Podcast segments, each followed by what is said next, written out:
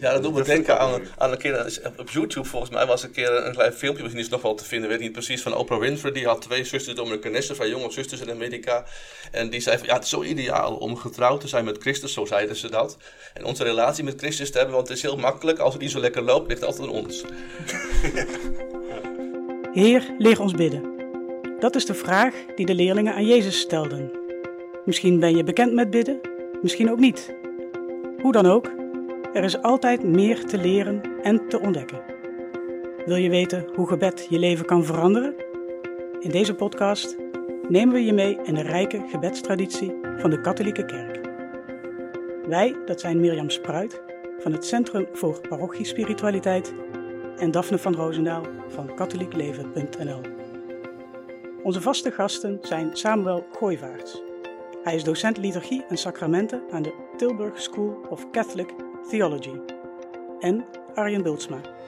Hij is pastoor te Bolsward en vicaris van het bisdom Groningen-Leeuwarden. Deze podcast is een initiatief van het Centrum voor Parochiespiritualiteit en katholiekleven.nl. Dit is seizoen 2 van de podcast Weg van de Liturgie. Ja, welkom Sam en Arjen in seizoen 2 van Weg van de Liturgie, die als titel heeft Heer, leer ons bidden.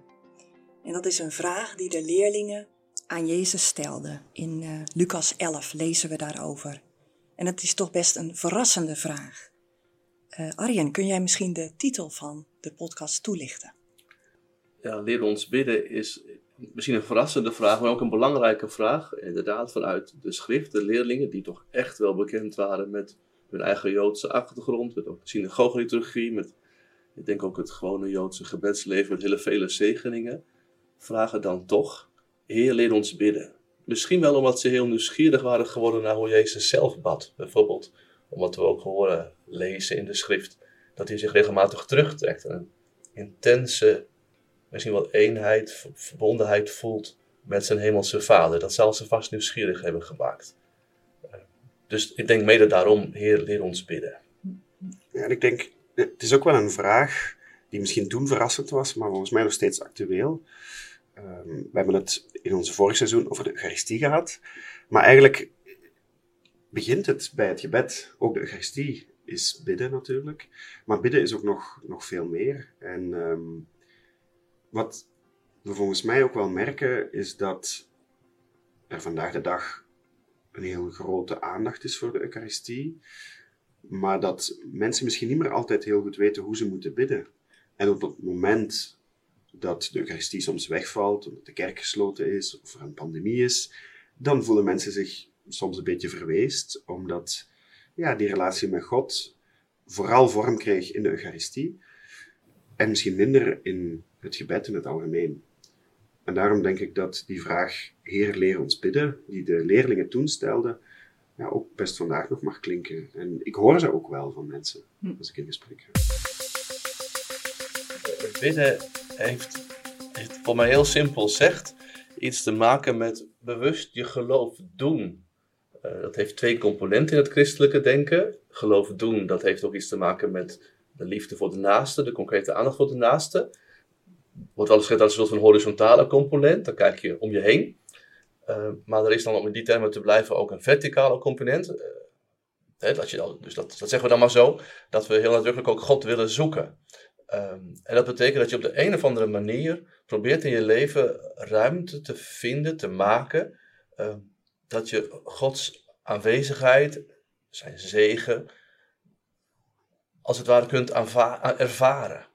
Um, en dat kan op een hele, heleboel verschillende manieren kan dat gebeuren. Het is denk ik goed om daar inderdaad uh, bij stil te staan. Om dat op met elkaar steeds weer opnieuw te ontdekken. Mhm. Maar het heeft iets te maken met je geloof doen. Ja, en je zou het ook kunnen vergelijken, ook omdat je vraagt, Mirjam, wat is nu specifiek aan christelijk bidden? Specifiek aan het christendom is dat wij geloven in een persoonlijke God. In een God die met ons in relatie wil staan. Die met ons een verbond aangaat en met de mens in relatie wil staan. En ik denk, bidden is een beetje zoals in een relatie. Moet je tijd maken voor elkaar. Um, moet je af en toe uh, ook exclusieve momenten hebben met elkaar. Um, en kan dat ook op heel verschillende manieren. iets heel mooi in een relatie is als je samen stil kan zitten in de zetel. Of samen in stilte eten. En je rustig voelen. En je rustig senang, voelen. Ja. Ja. En eh, af en toe moet je ook een stevig gesprek voeren. Eh, en, en bidden heeft ook al die vormen die we eigenlijk ook kennen in, in, in onze menselijke relaties, maar die zich, eh, ja, dus ook in onze relatie met God. eh, met God is het nodig om tijd te maken voor elkaar. En het fijne is dat wij geloven in een God die er altijd is voor ons.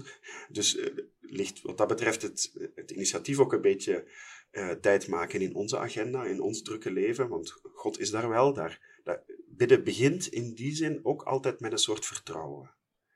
eh, die je ook in een relatie moet hebben. Een vertrouwen dat God daar is, dat Hij op ons wacht. En dat wij iets tegen Hem kunnen zeggen. Maar misschien vaker dat wij ook gewoon mogen luisteren en kijken wat Hij aan ons wil zeggen. Ja, dat vind ik wel het mooie. Ik zei wel bewust dat bidden heeft te maken met je geloof doen. Maar ik denk dat een heel belangrijk element, misschien wel bijna een soort van geheim van christelijk gebed is. Dat we mogen weten en misschien soms ook ervaren dat terwijl wij, simpel gezegd, gebed doen, eigenlijk God aan het werk is. En dat wij helemaal niet zoveel doen, maar dat God, en dan moeten we het ook hebben over Vader, Zoon en met name ook de Heilige Geest, die, die als het ware van binnenuit in ons eh, eigenlijk zelf aan het werk is. Om daar waar wij proberen ruimte te maken voor gebed, eh, daar in feite ruimte maken voor God zelf om aan ons goed te doen. Eh, dat betekent dus ook, dat is wel aardig omdat we ook begonnen met hè, die vraag van ja, Jezus die zelf antwoord geeft aan zijn leerlingen wanneer die vragen, Heer, leer ons bidden, dat hij ook het Onze Vader dan aanreikt, hè, het bekende christelijke gebed. Er wordt wel eens gezegd dat het ook een reactie is op een meer heidense cultuur, die natuurlijk ook toen de leerlingen heus wel omringde, met allerlei tempelcultussen, waarin niet zelden werd het nodig werd geacht om als je je de godheid of iets of wat wil bereiken, dan moet je hem overstelpen met gebed en met allerlei woorden en offers en weet ik veel wat. En dat Jezus dan zegt van ja, dat hoeft helemaal niet. Kleine, eenvoudige woorden, want God weet het en God werkt in ons. Dus dan krijg je precies dat relationele, dat hele intieme van wij met God. En dus ook bepaald niet dat dreigende, wat juist dan meer in die, zeg maar even simpel, die heidense cultuur lijkt te zitten. Waar, waar natuurlijk ook de leerlingen toen van wisten. En in het voorbeeld van Jezus zelf zie je ook dat, dat het begint met een stuk stilte. En Jezus die het zelf stil maakt, die in een bootje alleen het water opgaat of alleen de berg opgaat om zich terug te trekken en het stil maakt. En tegelijkertijd, en, en dat is ook het mooie aan bidden en misschien tegelijkertijd het moeilijke, want er is niet één juiste manier om te bidden, er zijn heel vele manieren. Bidden doe je in de stilte, is, is tijd maken voor je relatie met God, maar bidden doe je ook samen. En, en er is dus wel een evenwicht uh, tussen die verticale en die horizontale lijn, ook zou je kunnen zeggen, waar Arjen over sprak. Um, tussen mij als individu en mijn relatie met God en de gemeenschap.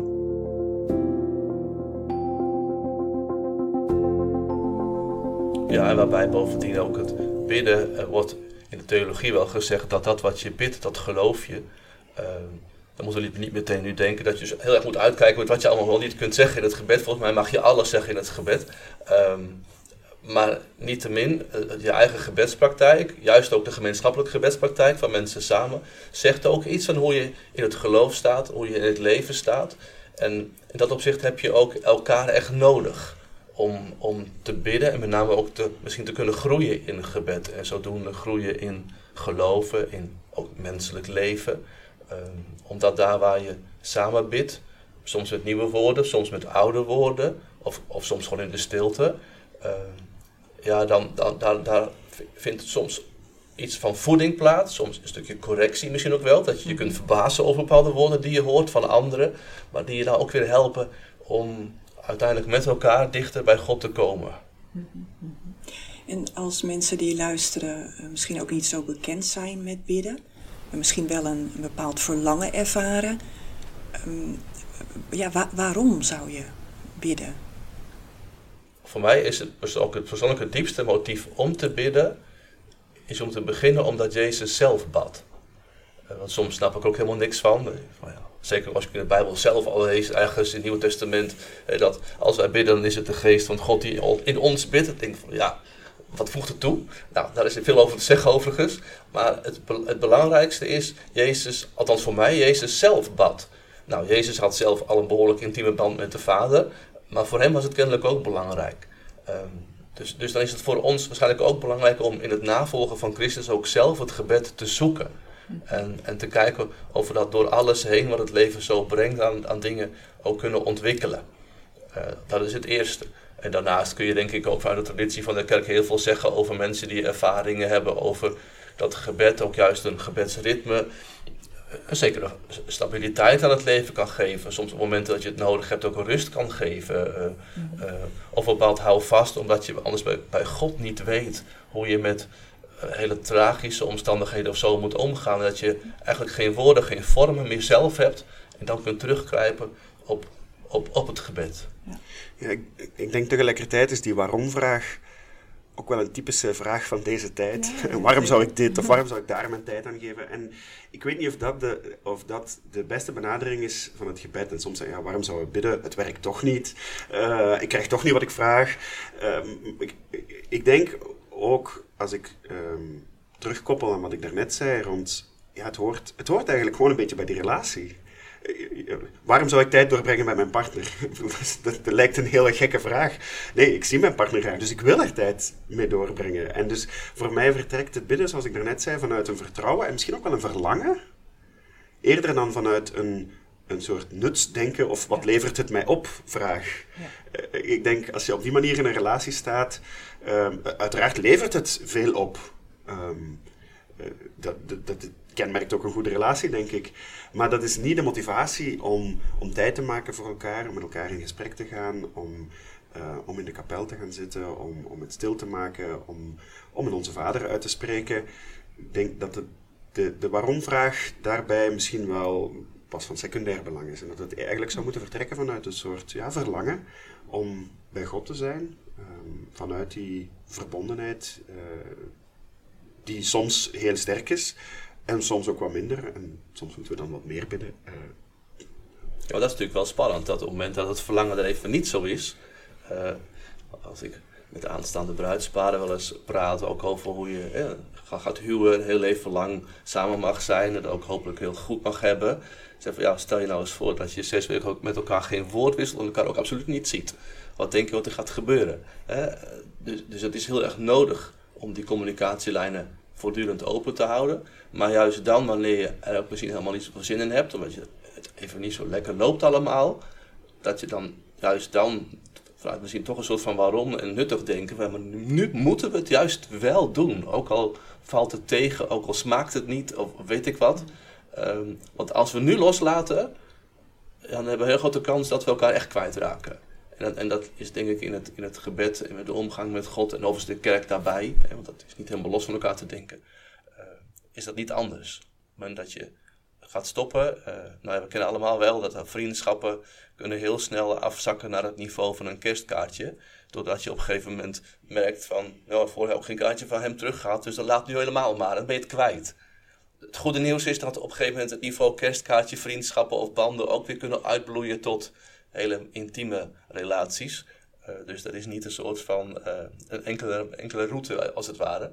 Maar niettemin is het belangrijk om daar aandachtig met die relatie om te gaan. En uh, soms vanuit inderdaad een intens en diep verlangen met heel veel smaak. En soms ook gewoon maar stug doorbijten. En net vanuit het vertrouwen dat God altijd zal kaartjes blijven sturen. Ja. dat is misschien net het verschil met onze menselijke relaties. Dat we er mogen vanuit, ook al merken we het niet, ook al hebben we niet die ervaring, toch, uh, ja, dat is het. Dat, daarom heet het geloof natuurlijk. Is het net, gaat het over het geloof dat God wel zich blijft inspannen om ons te bereiken. Um, ja, dat doet me denken aan, aan een keer op YouTube. Volgens mij was een keer een klein filmpje, misschien is het nog wel te vinden, weet niet precies, van Oprah Winfrey. Die had twee zusters, Dominicanessen, van jonge zusters in Amerika. En die zei van ja, het is zo ideaal om getrouwd te zijn met Christus, zo zeiden ze dat. En onze relatie met Christus te hebben, want het is heel makkelijk. Als het niet zo lekker loopt, ligt het altijd aan ons. En daar zit wel wat in. Maar toch zo'n zo'n zin als in, uh, in de Bijbel, dat de leerlingen tegen Jezus zeggen van Heer, leer ons bidden. Is bidden dan iets wat je, wat je kunt leren, wat je moet leren? Konden de leerlingen nog niet bidden? Ja, dat is een goede vraag. Ik, ik, denk, um, ik denk het wel. Ik denk dat je kan leren bidden. Omdat het ook te maken heeft met, ehm, ja, met een stukje gewoonte kweken, met een stukje volhouden, met uh, verschillende methodes die er zijn. En dat die ook verschillen, kunnen verschillen van mens tot mens. Dat, ehm, dat de ene mens um, heel moeilijk in de stilte kan thuiskomen en meer nood heeft aan teksten. Dat uh, de andere mens uh, meer nood heeft aan echt hele vaste rituelen. En iemand anders net eerder is van het spontane, opwellende gebed. En dat vraagt wel enige oefening en dus ook leerschool om ook in jezelf te ontdekken hoe kan ik bidden als persoon? Wat is het gebed dat, en, en wat is de vorm die mijn relatie met God het, het best voedt? Dat is... Het heeft ook met levenskunst, denk ik, te maken. Ik denk dat die leerlingen bij Jezus iets zagen wat ze bij anderen niet zagen. En dat ze ook in de gaten kregen, dat heeft iets te maken met hoe hij in het leven staat, hoe hij met de mensen omgaat, maar ook hoe hij zijn, zijn, zijn leven met God, zal ik maar zeggen, ervaart en vorm geeft. En ik denk ook dat die leerling, want die wist natuurlijk heel goed allerlei gebedspraktijken, maar dat ze iets bij hem zagen wat zij ook wel verlangden. En dat specifiek van Jezus geleerd kan worden. Wat we bij anderen kennelijk niet zo zagen gebeuren. En zoveel, ja, even modern gezegd, zoveel impact zagen hebben. En dat is eigenlijk wat jullie met ons in deze podcast ook willen gaan doen. Dat hopen we. Jullie nemen ons mee in de rijke gebedstradities die er zijn in de, in de kerk. Um, we gaan een aantal afleveringen opnemen. Jullie gaan het hebben over bidden vanuit de schrift. Bidden tot de Vader en de Zoon en de Heilige Geest. Bidden met Maria en bidden met de Heilige. En over zegeningen gaan we het hebben. En elk onderwerp krijgt eigenlijk twee afleveringen. Dus na vandaag gaan we nog zes afleveringen opnemen. Kunnen jullie ons op hoofdlijn door, uh, langs die onderwerpen nemen? Want waarom deze onderwerpen en wat, wat kunnen mensen daarvan verwachten? Nou, de eerste twee afleveringen, of de volgende twee afleveringen, gaan dus over bidden vanuit de schrift. Eigenlijk zijn we er al een beetje mee begonnen nu. Hè? Met de openingsvraag was: Jezus kreeg de vraag: leer in ons bidden. Dat is precies al vanuit de schrift. Um, maar de, de Bijbel daar is zo'n belangrijke bron van geloof, ook een belangrijke toetssteen van geloof, dat het heel wezenlijk is om te kijken hoe, hoe, het vanuit, vanuit die schrift en de omgang met de schrift gebeden kan worden. En ook om te ontdekken, dat zal dan de volgende aflevering in datzelfde duootje zijn, um, hoe de schrift zelf ook gebed is. Uh, tijdig gebed, zoals in de klooster bijvoorbeeld gebeden wordt, is dan heel belangrijk. Thaisee-gebed kun je daar ook bij rekenen. Dat is denk ik een heel belangrijk uh, fundament. Uh, de tweede aflevering daarna, dan denk ik dat we heel erg gaan kijken hoe in 2000 jaar christendom ook allerlei gebeden zijn ontstaan, uh, overgeleverd, soms nog steeds ontstaan, die, die soms heel specifiek gericht zijn op God zelf, Vader, Zoon, Heilige Geest. Dat zal dan het eerste weer zijn. En anders ook, zeker in de katholieke traditie, hebben we leren bidden ook met de Heilige, ook met Maria. Ook een geloofsgemeenschap zijn over de grenzen van het aardse leven heen. En dat mogen we dan, willen we ook heel graag dan wat verkennen. Ja, dat is ook het, mooie, vinden we in heel de traditie van de, de Rooms-Katholieke Kerk, dat er heel veel manieren zijn om te bidden. Beproefde manieren, manieren die mensen um, al, al jaren, eeuwen soms uh, beoefenen, uh, die we vandaag misschien ook niet meer zo goed kennen, waar we ook wat de aandacht op willen vestigen. En dat is eigenlijk ook het geval voor die laatste twee afleveringen, wanneer we het willen hebben over de zegeningen. De zegeningen die eigenlijk een vorm van liturgisch gebed zijn, die liturgie zijn, maar ook uh, liturgische boeken voor zijn, maar die eigenlijk ook de kans geven om um, God heel dicht bij het leven van mensen te brengen, door het zegenen van van elkaar, van mensen, door het zegenen van voorwerpen. En uh, op die manier ook uh, die relatie met God in dat gebed en in die zegen van God te plaatsen.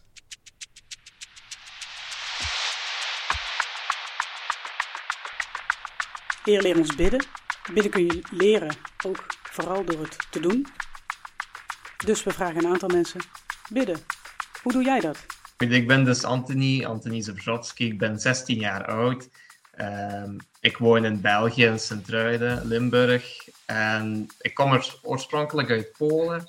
Daar ben ik geboren, heb ik zes jaar gewoond en tien jaar hier in België. En ik ben misdienaar hier in de kerk in Sint-Truiden. En um, ja, ik doe dat zeer graag. En uh, ja, dus ik uh, ben elke zondag weer paraat uh, om de mis te dienen. En ja, voor de rest ik studeer uh, economie op school. Um, en ja, het, is, het is een beetje... Dus ja, dat, ben- dat ben ik zo. Waarom vind je het leuk om mis te dienen? Eh, wel, ja, omdat het mijn geloof is. En ja, ik kwam altijd wel naar de kerk. En ehm, de ceremoniemeester had mij daar eh, eens gevraagd, omdat hij mij toch wel vaak zag.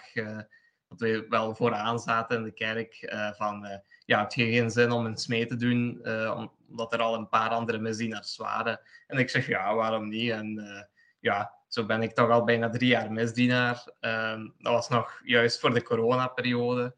Ehm, dus ja, en ik ben dat blijven doen. En eh is toch wel, toch wel fijn, ja. Om daar ook in groeien en verder te leren en over het geloof en zo. Dus ja. Wat is voor jou eh, belangrijk voor geloof? Mm, Belangrijk, ehm, ja, toch ja, de, de band met God is wel eh, ja, zeer belangrijk, eh, denk ik. Ook eh, ja, gewoon om, om ja, bidden vind ik ook eh, natuurlijk heel belangrijk. En ook ja, om, om gewoon om, om goed te doen en om eh, ja, Jezus te volgen in het eh, ja, dagelijkse leven. Is toch wel, eh, ja, dat kan op ja, veel manieren natuurlijk, maar eh, ja, dat is denk ik toch wel echt eh, heel belangrijk. En je zei het al even, hè, bidden. Dus eh dit gesprek Ja. gaat over, over bidden. Ja, hoe maak jij tijd in jouw leven om te bidden? Want je zei al dat je best wel druk bent, ook met badminton en zo en school. Mhm. En ehm, ja, wat vind jij, mak wat gaat makkelijk en wat vind jij soms lastig? Ja, ik vind, ehm, ik heb eigenlijk, ik bid eh, s ochtends dan heel eventjes en s'avonds probeer ik echt wel mijn eh, tijd ervoor te nemen. Nu, dat is meestal gewoon een persoonlijk gebed van, ja, dan s'avonds goede dag was en God bedanken voor het eten, voor ja, goede gezondheid enzovoort. Hè. Ehm, en ja, tijdens school is dat inderdaad wel ehm, soms moeilijk eh, om veel tijd vrij, vrij te maken. Ook ja, dan ja, is, kan mijn gebed bijvoorbeeld ook korter duren of zo. Als ik eh, ja, tijdens de examenperiode zit of zo, veel huiswerk. Eh, dan is dat soms niet gemakkelijk. Maar ja, in de vakantie gaat dat wel wat beter. Eh, maar ik vind, ja, ik moet dat sowieso wel hebben. Zo, s ochtends toch even dat contactmoment met God en s'avonds ook. Dat ik ja, dan weet van, ah ja, nu rustig gaan slapen en dan, of rustig opstaan en ja, de dag weer beginnen met goede energie en, en ja, toch ehm, ja, zo de dag starten. Dus ja. Mhm. En als jij nou aan iemand die, ehm, die helemaal niet weet wat bidden is, als jij dan moet uitleggen van wat, wat het is, wat zou je dan, ja, wat zeg je dan? Goh, ja, bidden. Voor mij is dat ja, contact maken met God. Toch proberen om ja, een beetje. Toch eigenlijk, ja, we, ja, we zien God niet. Hè. Is ja, niet dat hij misschien dan naast ons staat of zo. De- maar toch eigenlijk ja, in, gesprek, in gesprek te gaan ook. Gelijk we dat doen ja, met een persoon. Maar ook ja, bidden. Dat ja, kan in, vele vormen. Kan. eh, ja, bijvoorbeeld bij ja, de aanbidding hè, in de katholieke kerk of zo. De, of gewoon, ja, inderdaad, s'avonds een persoonlijk gebed. Maar toch, voor, ja, voor mij is bidden contact maken met God en toch, eh, ja, gewoon eigenlijk praten met God. En ehm, het ook even stilmaken en ook luisteren. Ehm, ja, dat, dat is het eigenlijk voor mij. Mhm. Maar praat, Ja, ik dank God vooral voor, eh, voor de dingen die er dan zijn gebeurd de afgelopen dagen of zo. Of ehm, ja, echt, eh, of soms, soms bidden, ook als eh, ehm, ja, bidden eh, tot de Heilige Geest ook bijvoorbeeld. Ehm, dus ja, dat, dat is eigenlijk bidden dan voor mij. en hoe merk je dan dat, ehm, dat God iets terugzegt of dat de Heilige Geest iets doorgeeft? Ja, eigenlijk ja, in het dagelijks leven, als er dan eh, ja, bepaalde dingen zijn. En ja, soms zijn er toch situaties. En eh, ja, dan denk ik op, op, op, op het moment dat de situatie gebeurt van, ja, dan handel ik zo of dan zeg ik bepaalde dingen zo. En dan, ja, misschien ben ik daar niet helemaal zeker over. Kan ik dat ook ja, bij God leggen gebed? Hè, van, ja, was dat misschien? Of ja, een beetje omdat ik dan twijfel aan die dingen. En dan later zie ik van, als er nog zo'n soortgelijke situatie gebeurt of zo van, of ja, dan denk ik van, ah ja, dat had ik misschien beter kunnen doen of zo. Want uiteindelijk is de uitslag niet wat ik had verwacht. Hè, maar dan is het eigenlijk anders. Maar als ik op een andere manier had gehandeld, dan was de uitslag wat ik wel had verwacht. dus om het zo een beetje, ja, het klinkt misschien wel vaag, maar uh, om het zo een beetje uit te leggen, um, ja, zo merk ik dat eigenlijk. Dan, uh, ja, dat God uh, ja, werkt, zo te zeggen. Hoe belangrijk is het voor jou om te bidden? Is alweer de laatste vraag. Ja, ja toch, wel, toch wel belangrijk, ja. Omdat ik vind dat ehm, ja, het is inderdaad niet, ja, het gaat ook niet vanzelf. Hè? Dus ja, als je niet, niet zegt tegen God van, um, ja, ik twijfel daarover of daarover, ja, dan denk ik niet dat je dan ook iets moet terugverwachten. Maar dus daarom uh, vind ik dat toch wel belangrijk om, ja, even te, te zoeken naar God en toch, uh, ja, contact te maken, te bidden. Um, ja, of dat nu in de kerk is of thuis, ja, of, of op, op reis. Dus het blijft wel ja, belangrijk. Ja, een mopje of zo'n verhaal van ja, er was eens een man die de, graag de lotto wou winnen. En die, die, uh, of, ja, die was dan juist wel aan het bidden van ja, God, geef ik de lotto winnen, de dingen. en, maar die koopte nooit een krasbiljet voor de lot, of zo'n lottoformuliertje. Dus ja, dan gaat het natuurlijk ook niet. Dus ja, je moet ja, een beetje een evenwicht brengen. Zo. En, en, ja. Als het gaat om leren bidden, dan ben ik ook benieuwd hoe je dat praktisch kunt vertalen. Waar begin je? En Arjen, jij hebt ons ooit eens verteld over een gebedsmatrix. Wat is dat? Kun je dat misschien toelichten? En kan dat mij en ook de luisteraars misschien helpen om te, om te leren bidden? Ja, wie weet. We hebben het eigenlijk net al een beetje niet om met zoveel woorden gezegd, maar het bidden dat kent heel veel componenten. Je hebt persoonlijk gebed in je eentje en je hebt ook gebed wat je samen met anderen mag beleven. Uh, dat is als het ware de, de ene as van deze matrix. De andere as is dat je een gebed hebt met uh, eigen woorden of in stilte. Gewoon de opwelding vanuit je eigen hart of, of wat dan ook. En de andere daar tegenover staat dan, is het, het gebed wat wordt aangereikt. Wat wordt ook al formuliergebed genoemd. Nou, we hebben al even het Onze Vader genoemd. Dat wordt ons aangereikt door Jezus zelf. Dat zou je een formuliergebed kunnen noemen. En ik denk dat een uitgebalanceerd gebedsleven betekent dat je en al die vier kwadranten die dan ontstaan, als het ware daaruit put en daarin oefent. En dat betekent dus persoonlijk gebed, eigen woorden, of in stilte. Persoonlijk gebed ook met woorden die je krijgt aangereikt of misschien zelfs ook wel af en toe beelden. Ehm, en je krijgt dus ook gemeenschappelijk gebed met eigen woorden of samen in stilte. En gemeenschappelijk gebed met wat je krijgt aangereikt vanuit de traditie. Uh, nou, voor onze hele vorige podcastserie ging over de Eucharistie. Als je deze matrix erop legt, op de Eucharistieviering, dan zul je zien dat alle componenten daarin voorbij komen. Momenten van persoonlijk gebed, ook van persoonlijk gezamenlijk gebed, voorbedisch is om te noemen, maar ook heel duidelijk formuliergebed. En ook heel duidelijk ook gezamenlijke rites. Dus dat is niet eens alleen maar weer woorden, maar dat gaat ook nog om hoe je dingen doet. En uh, hoe je je beweegt, dat soort van zaken. Nou, ik denk dat dat, het is een beetje theorie nog om te beginnen, maar dat heel erg kan helpen om jezelf als het ware wat te oriënteren in het gebed. En als je zegt van ja, wat begin je dan mee? Ik zou zeggen, begin misschien met toch het Onze Vader. Dat is een heel belangrijk en bekend christelijk gebed, door Jezus zelf geleerd. Als je daarover gaat nadenken, uh, bijvoorbeeld alleen al stilstaan bij wat Jezus bedoelt.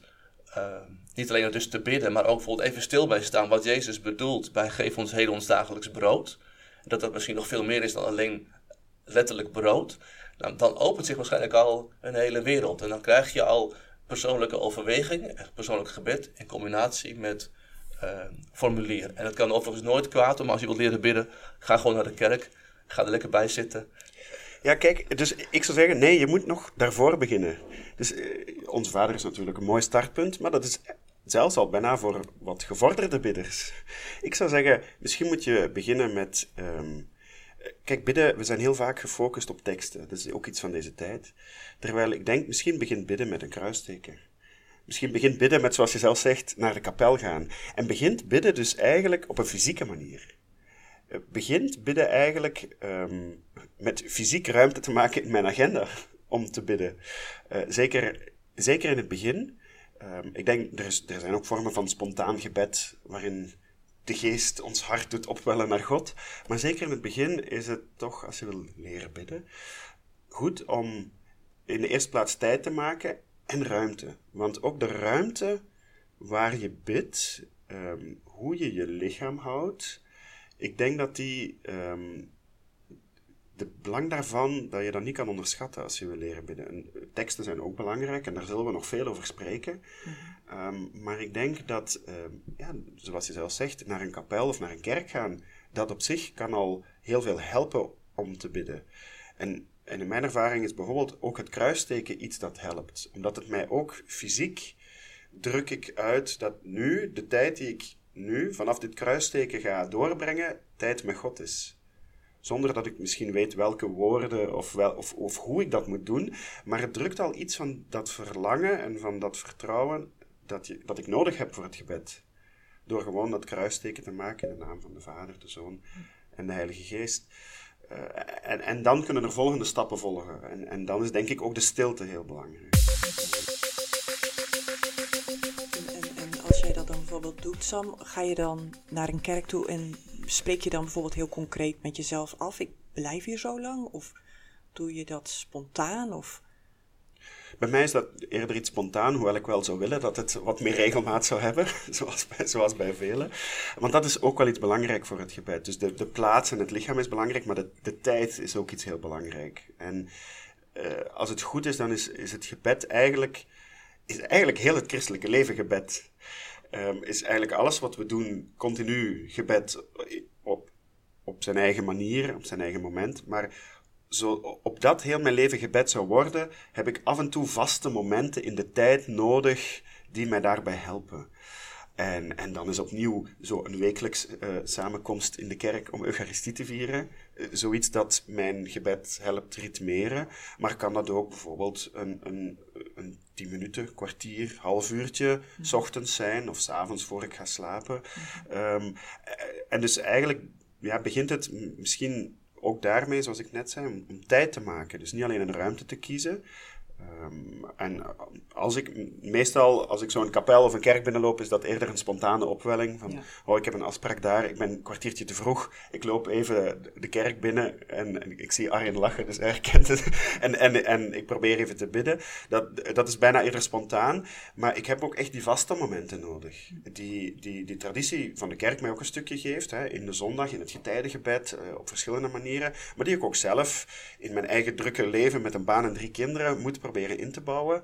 Ehm, en de ene periode lukt dat heel goed en de andere periode lukt dat minder. Dat is ook de realiteit van het leren bidden. Ehm. Ja, het aardige is dat als die tijd er niet is, of moeilijk is om die tijd in te bouwen vast, kun je ook nadenken in termen van plaats. Iets wat ik zelf eigenlijk het meest nog in Rome heb geleerd toen ik daar in het seminarie uh, zat om voor priester te studeren ook, uh, is dat ik met name wat meer Zuid-Europese mensen, die hebben dat toch wat meer, dat, dat, dat devotionele en dat, dat relationeren met God dan ik dat toen zo makkelijk had. Maar die, die zag ik af en toe heel bewust even langs de kapel lopen. En we hadden daar natuurlijk een kapel met, met sacrament. En die, die gingen gewoon naar binnen, maakten een, kniebuiging en liep ook weer weg. Um, en ik denk dat dat ook een manier is. Dus als de tijd er niet is, als het moeilijk is om die tijd, dan eventjes een plaats hebben. Dat kan ook thuis zijn, al is maar een hoekje met een kruisbeeld of een icoon of een bijbel. Of uh, ik heb dat in mijn eigen huis ook, een, een kamertje eigenlijk waar je even naartoe kunt gaan. Uh, en dan is alleen al de beweging daarheen, een moment daar zijn en weer verder gaan, is ook al heel wat. En ik denk dat je dan ook plaats dus letterlijk als een plaats. Dat is wel aan te bevelen, denk ik. Maar het kan ook betekenen. Ik moet even denken aan bijvoorbeeld. Het zal nu wat anders zijn dan vroeger. Maar vroeger zag je met hele grote portemonneeën. die vaak dan moeders en oma's hadden. dat alle pasfoto's van de kinderen en de kleinkinderen erin zaten. Wat natuurlijk eigenlijk een plaats is van even denken en even bij die kinderen zijn. Dus wat is er op tegen om een rozenkrans bij je te dragen die je af en toe voelt? Van is een, alsof een plaats. Oh ja, is misschien meer van deze wereld. De schermvergrendeling van je telefoon. Bijvoorbeeld. Misschien zet je daar een gebed of een, een kruis op. En elke keer als je je telefoon vastneemt en wil ontgrendelen, doe je een kort gebed. Kijk, heel vaak denken we dat, dat bidden moeilijk is en dat het veel inspanning vraagt. En, en, en eigenlijk willen we met deze podcast ook een beetje laten zien dat het, dat het ook op heel makkelijke manieren kan. Door inderdaad gewoon even ergens binnen te lopen, kruisteken te maken en weer. Door, door gewoon een appje op je telefoon met. Uh, je krijgt zoveel meldingen. Je hebt ook gebedsmeldingen. En, en dat kan soms heel kort zijn, maar het brengt ons telkens opnieuw, en dat bedoel ik door te zeggen dat eigenlijk uiteindelijk heel ons, ons leven als gelovigen, als christen, in die relatie met God vorm krijgt door te bidden en door gebed, dat het ook in hele kleine dingen zit. Uh, maar daar moeten we wel, zeker in het begin, moet je daar toch bewust mee bezig zijn. Je moet ervoor kiezen om zo'n appje op je telefoon te zetten, om even dat kruisteken te maken, om die twee minuten uh, te kijken naar een icoon die thuis op de, op de schouwmantel staat. Um, maar daar begint wel, denk ik, het gebed mee. En, en je zal merken, of ik merk, dat, dat dit mij helpt om dan ook die tijd te gaan verruimen. En omdat er, dus dat verlangen groeit ook wel. Hè. Als je investeert in die relatie, ga je ook steeds meer willen bij elkaar zijn. En, het, het, lukt door, door ook andere verplichtingen niet nooit zoveel als je zou willen, of toch bij mij nooit zoveel als ik zou willen. Maar het helpt me wel om dat telkens opnieuw te proberen en die stap te zetten en te zeggen, goed, ik ga nu nog toch eens een, een hele dag of, of twee of drie dagen naar een klooster om daar te kunnen meebidden. Of ik maak nu toch echt, uh, het is advent, ik probeer toch nog eens elke dag de vespers te bidden, uh, om, om, om wat meer tijd te maken voor, voor dat gebed. Maar dat zou mijn vraag zijn, van, uh, word je daardoor een ander mens als je meer tijd vindt voor je, voor je gebed? Ik denk, ik denk het wel en hoe ouder ik word, hoe meer ik me daarvan bewust word dat door die um, geoefende gebedspraktijk, die, die, zoals ik zei, één is met ups en downs, maar dat je toch op een andere manier in het leven gaat staan. En dat, um, dat die relatie met God uh, zich telkens verdiept, dat die een stukje intenser wordt en dat die op die manier ook echt een stukje de grondtoon wordt van, van mijn leven waarbij dan um, ook heel vaak een, het, het, het meer spontane. Ik, ik word er meer open door voor, om, om God te zien. Dus het gebed helpt mij om open te komen voor Gods aanwezigheid in, in elke ontmoeting, in elk gesprek, in elke autorit, uh, in dingen die ik zie. Um, dus het verandert mijn blik op de wereld en dus ook mezelf. Maar alleen maar doordat ik probeer om regelmatig dat ook heel exclusief daarvoor tijd te maken. En dat is dan wat we meestal bidden noemen, die spontane dingetjes. Maar die maken het leven wel, ik vind het mooier en, ja, maar denk, en, intenser. Dat klopt inderdaad, ik herken dat heel erg. En het spontane is dat ook een heel mooi begin. En maar vanuit die gedachte ook van die matrix, wat zo belangrijk daarin is, is dat... Uh, kijk, het gevaar is heel groot. Uh, dat als het bij alleen het persoonlijke en het spontane blijft dat het ook uiteindelijk toch een stiekem een soort van zelfverheerlijking wordt. En dat je je eigen cirkeltje blijft draaien, zoals een hond achter zijn eigen staart kan aanlopen. En daar schiet je niet veel mee op. Dus op een gegeven moment heb je, zeker als je daarin groeit, echt nodig om ook met anderen samen te bidden. Ook de teksten van anderen, uiteindelijk ook teksten van de traditie, te laten binnenkomen. Niet met de bedoeling om meteen altijd te zeggen, oh, daar ben ik het mee eens of niet mee eens. Maar, laat die teksten maar eens gebeuren. Laat ze maar eens door je heen gaan. Laat dus ook een volgende viering van de Eucharistie, om het maar even iets van het vorige seizoen te noemen. Of van getijdengebed, dat gaan we nog bespreken. Laat het door je heen gaan. Laat het gebeuren. Omdat je zult merken dat ook dat weer woorden geeft die je zelf niet eens spontaan hebt maar die je wil helpen om het gebed te verankeren en om het een zekere verdere zin te geven. Um, waarbij dan omgekeerd het persoonlijke, spontane gebed weer helpt om te voorkomen dat al die, die vastgegeven woorden, zoals ook in Onze Vader als gebed, uh, niet bloedeloos worden. Dus die, die, die, die interactie, die wisselwerking tussen, dus, tussen teksten en persoonlijke gebed en opwelling, tussen jezelf en in de gemeenschap, die lijkt me echt fundamenteel om om ook als ware de kracht van het gebed ook in je eigen leven optimaal te kunnen ervaren. Daarom dat we volgende keer denk ik ook dat het belangrijk is dat we naar de schrift gaan kijken. Omdat ik ook merk door bijvoorbeeld te bidden met de schrift dat die teksten je ook een beetje eigen worden en je net op zo'n momenten van spontaan gebed komt het vaak omdat er een schriftwoord opwelt. Maar dat kan alleen maar doordat je dat regelmatig uh, doet en oefent en, en die schrift ter hand neemt.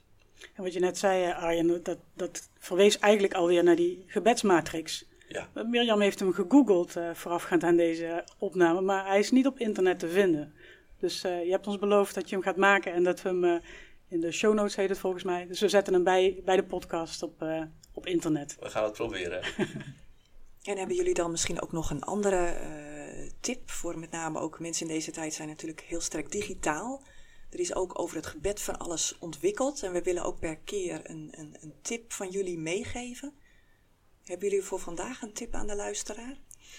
Ja, het is, kijk, het gaat een beetje over leren bidden. En er is uh, al een, een, tiental jaar geleden een website gelanceerd, uh, www.startdestilte.be. Het is een Belgische website, uh, maar uh, helemaal toegankelijk ook voor uh, Nederlanders.